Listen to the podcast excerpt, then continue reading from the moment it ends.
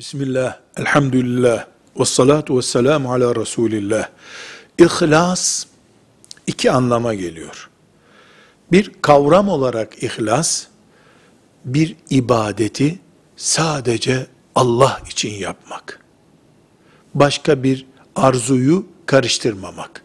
Buna ihlas diyoruz. Bir de Kur'an'ımızda İhlas suresi var.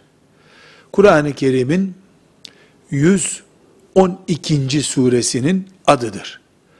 Kul huvallahu ahad, Allahu samed, lem yelid ve lem yulad ve lem yekun lehu kufuven ahad. Sadakallahul azim.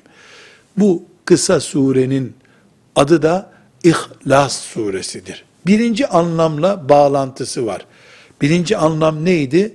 Yalnız Allah için yaşamak ve ibadet yapmak, ihlaslı olmak demek.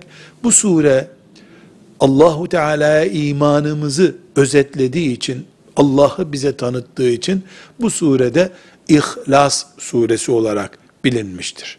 Velhamdülillahi Rabbil Alemin.